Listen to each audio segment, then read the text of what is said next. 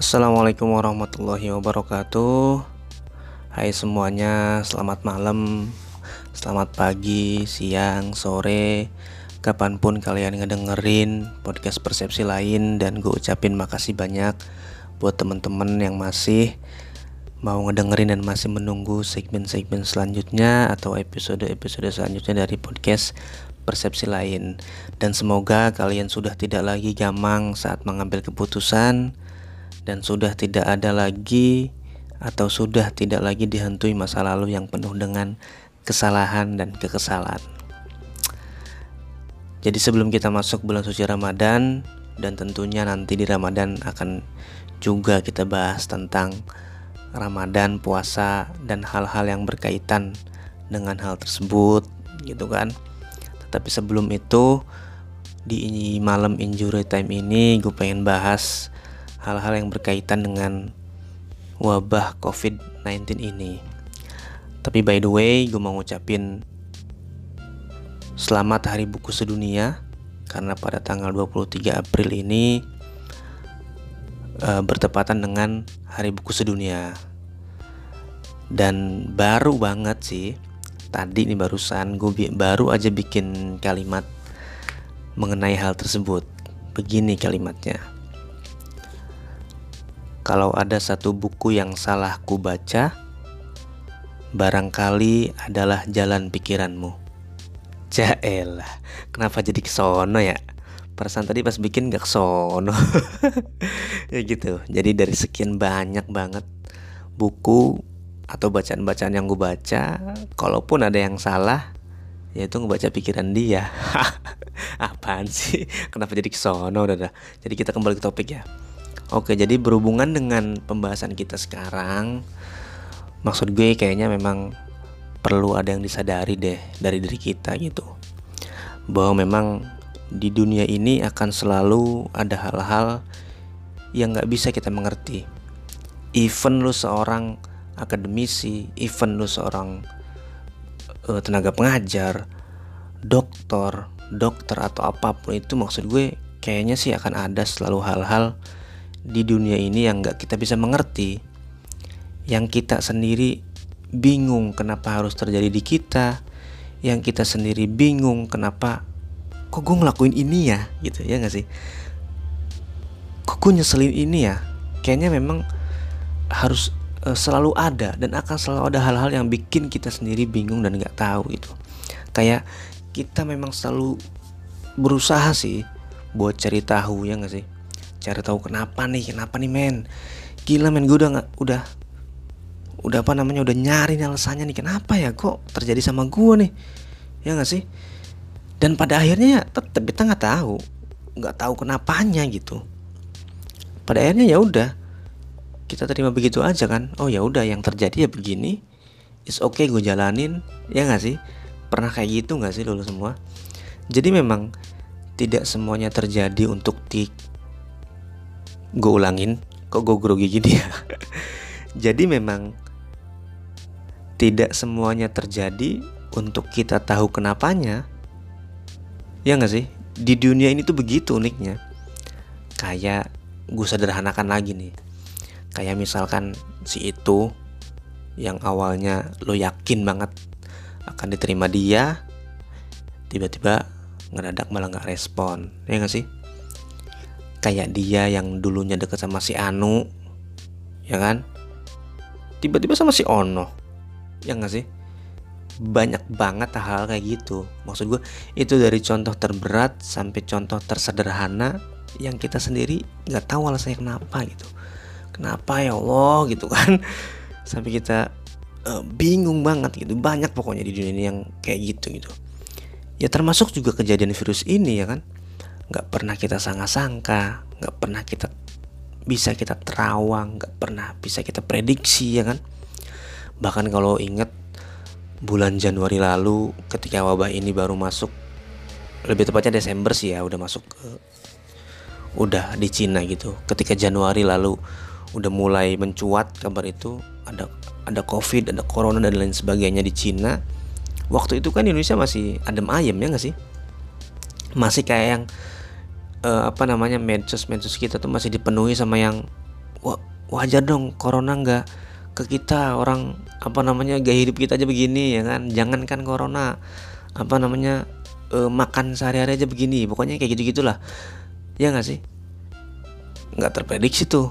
Ya memang sih ada kajian ilmiah dan memang pada saat itu memang dipertanyakan juga aneh di Indonesia kok bisa-bisanya nggak nggak kena covid waktu itu gitu. Tapi tuh ujung-ujungnya kena dan kita harus menghadapi ya nggak sih? Se sediprediksi apa pun ujung-ujungnya oh iya ya ini yang terjadi di depan ya nggak sih? WFH ini WFH corona ini ya kan? Sama kayak hal-hal yang kejadian juga sama gue kemarin waktu bulan apa ya September atau apa gue lupa sih bulannya bulan apa. Tapi mungkin teman-teman deket gue yang main bareng uh, tahu. Waktu itu gue ke Bandung sama beberapa teman gue dua mobil apa ya kalau nggak salah ya? Dua mobil sih ya bener. Dua mobil gitu ya kan? Teman dulu sekolah bareng. Terus kita tuh di satu obrolan kita nggak ya nggak sengaja gitu. Apa namanya? Spontan aja gitu. Tapi nggak uhui sih. Apaan sih? Spontan aja gitu bilang eh Februari yuk kita main ke rumah ini gitu. Udah kita rencanain tuh ya kan? Mau ada the next trip lah ceritanya. Jalan-jalan kecil-kecilan gitu ya nggak sih dan ternyata di luar dugaan nggak bisa kita cegah nggak bisa kita terawang di masa depan terjadi apa.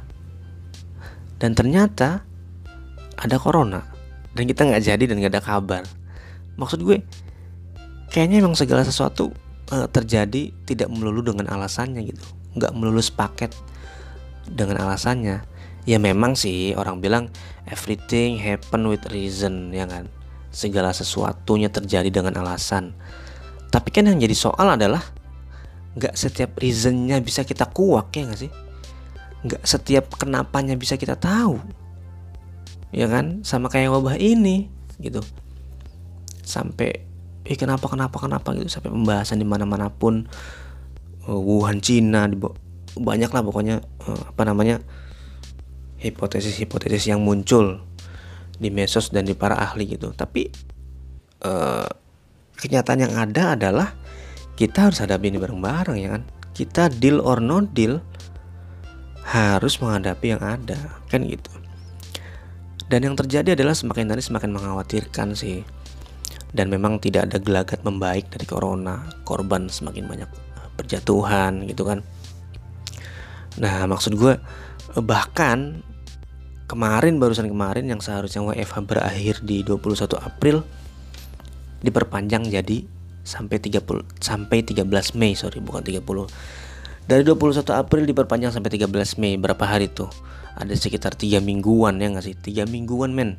Nah maksud gue ini yang erat kaitannya yang ingin gue uh, sebarin ke teman-teman bahwa WFH kayaknya ingin ngajarin kita sesuatu gitu. Ya nggak sih tapi sebelum itu gue juga sama mempertanyakan sih kenapa WFH ya istilahnya? Ya kan kenapa work from home ya? Kenapa nggak KDR gitu maksud gue? Kerja dari rumah. Kan lebih lebih kita banget gitu. Lebih ke kitaan gitu. Lebih ke disinian ya gak sih? KDR kerja dari rumah. Ya asal jangan KDRT aja. Kerja kekerasan dalam rumah tangga sih mending kalau kerja dari rumah tante ayo tante siapa tuh? Nah maksud gue tapi gue yakin sih pemerintah punya apa namanya di headline headline masih pakai istilah WFA oke okay kita berhusnuzon saja gitu kan. Dan gue tahu sih ini bukan hal yang mudah ya kan? Apalagi yang uh, apa namanya terlepas dari dia yang berkarir di bidang non formal ataupun formal kayak kantoran segala macem. Tapi maksud gue ini kan hubungan sama karir hubungan sama uh, apa namanya proses kerja kita. Dan gue yakin sih tetap ada bedanya sih meskipun dia dapat gaji per bulan pun kayaknya tetap akan ada bedanya gitu. Dengan pergi ke kantor dengan nggak pergi ke kantor. Gitu nah maksud gue uh, poin ini yang kayaknya WFH ini menyimpan apa ya kayak memaksa kita untuk belajar pensiun sebelum waktunya pensiun. Gitulah kira-kira gue bahasakan. Dan bahkan real ini terjadi true story. Ini kejadian di gue sih. Bukan di gue maksud gue ngalamin kejadian ini gitu. Jadi waktu itu satu hari gue pernah main ke kantor temen gue. Main ke kantor ke kantor dia terus gue ngobrol kebetulan waktu itu ketemu pas satpam gue ngobrol gitu kan sapaan lah ya kan. Ternyata asik itu ngobrolnya gitu tuh. Just selang beberapa menit teman gue keluar kantor lagi kemudian kita keluar ya kan pulanglah dari kantor tersebut. Nah di tengah jalan tiba-tiba teman gue bilang lu tahu nggak siapa tadi yang lu ajak ngobrol? kata dia begitu. Lah gue bilang gue sih nggak merhatiin nama tapi yang jelas dia security gue bilang dari bajunya ya kan. Kelihatan security gue bilang gitu. Kata dia iya sekarang. Sekarang emang security kata dia. Tahu nggak lo dulunya apa dia? Gitu. emang apa dulunya? Gue bilang gitu. Hal yang sangat mengejutkan gue adalah ternyata dia adalah dulunya salah satu orang yang memegang jabatan tinggi di kantor tersebut. Orang penting lah di kantor tersebut wah gila gue bilang. Kok bisa ya maksud gue bisa jomplang banget gitu loh dari orang yang punya jabatan tinggi. Ya sorry tuh saya maksud gue jadi security tanpa bermaksud mengunderestimate orang jadi security. Enggak maksud gue uh, posisinya adalah dia jadi orang penting tapi hanya dalam waktu hitungan tahun gitu kan dia jadi security. Kok bisa? Gue bilang kan gue kaget dan singkat cerita ternyata dia ketika masa kerjanya habis pensiun dia ngelamar lagi di situ dan ngelamar sebagai security.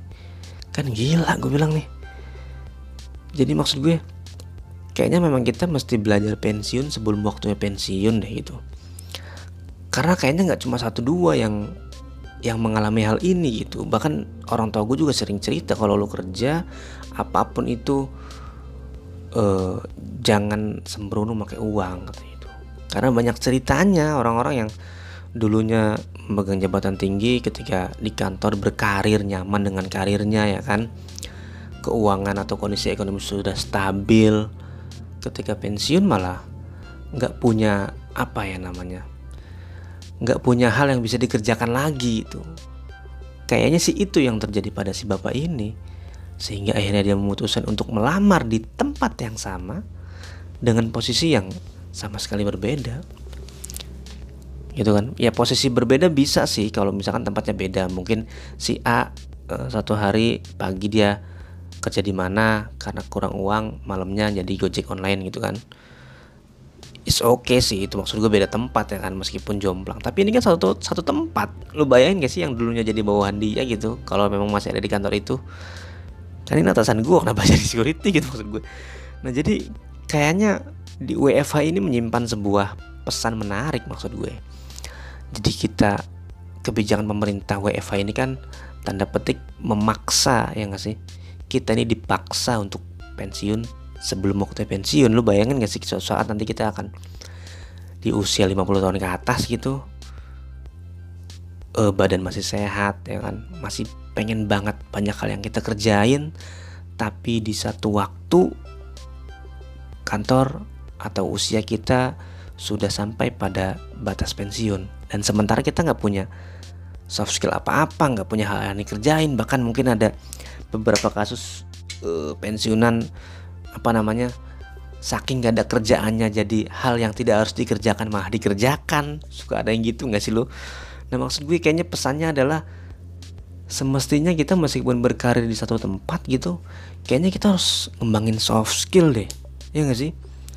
Keahlian-keahlian apa pun itu yang ya di samping memang bekal buat pensiun tapi juga tetap harus menambah apa ya maksud gue? Hazanah diri kemampuan diri di luar jabatan kita yang di atas kertas itu. Ya nggak sih? Dan juga jangan kita juga jangan kadang-kadang kita gini sih kadang-kadang kita mengambing hitamkan takdir juga sih ya yang anehnya di kita itu. Jadi ah gue mau dari takdirnya begini gimana lagi? Ah gue mah nilai gue kecil skripsi gue susah emang udah kayak begini kali.